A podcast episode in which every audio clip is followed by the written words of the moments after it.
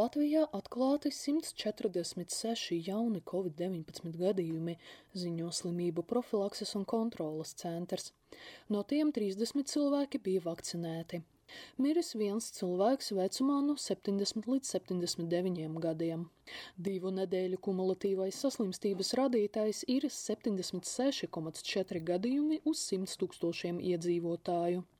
Stacionāros ievietoti septiņi covid-19 pacienti. Kopā slimnīcās joprojām ārstējas 68 pacienti, no kuriem 10 ar smagu slimības gaitu. Trešdienas vakarā aptuveni 4000 iedzīvotāju izgāja vecrīgas ielās, lai paustu protestu pret tā saucamo obligāto vakcināciju.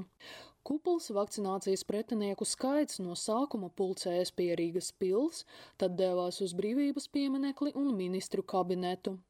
Protesta noslēgumā saimas deputāts Aldis Gobzems aicināja atbalstītājus doties uz vecrīgas baznīcām lūgt dievu.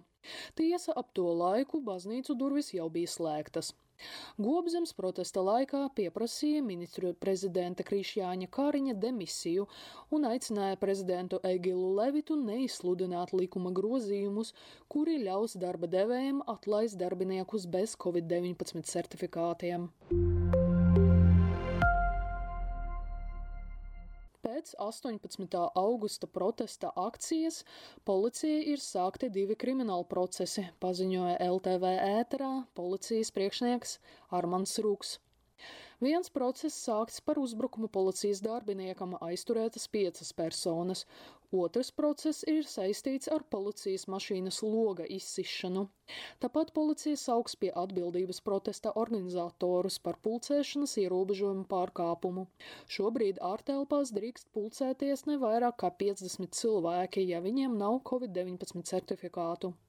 Policija paziņoja, ka akcijas pieteicēji bija nevis pazīstamie opozīcijas politiķi, bet kādas privātpersonas.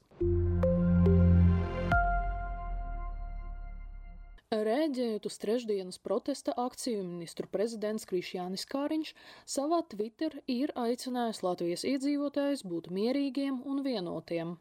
Politiķis atzīmēja, ka ir saprotamas dažādas emocijas un reakcijas, taču nepieciešams miers un vienotība.